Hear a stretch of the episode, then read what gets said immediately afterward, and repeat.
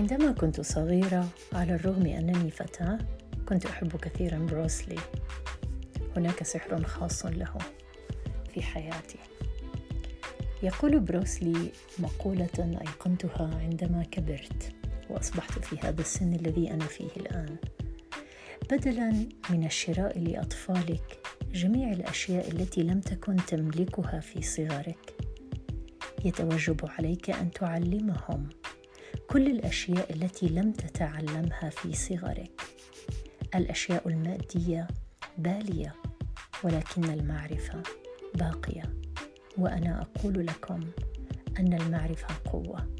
تسلحوا بالمعارف. الماديات تروح وتأتي. مساء الخير.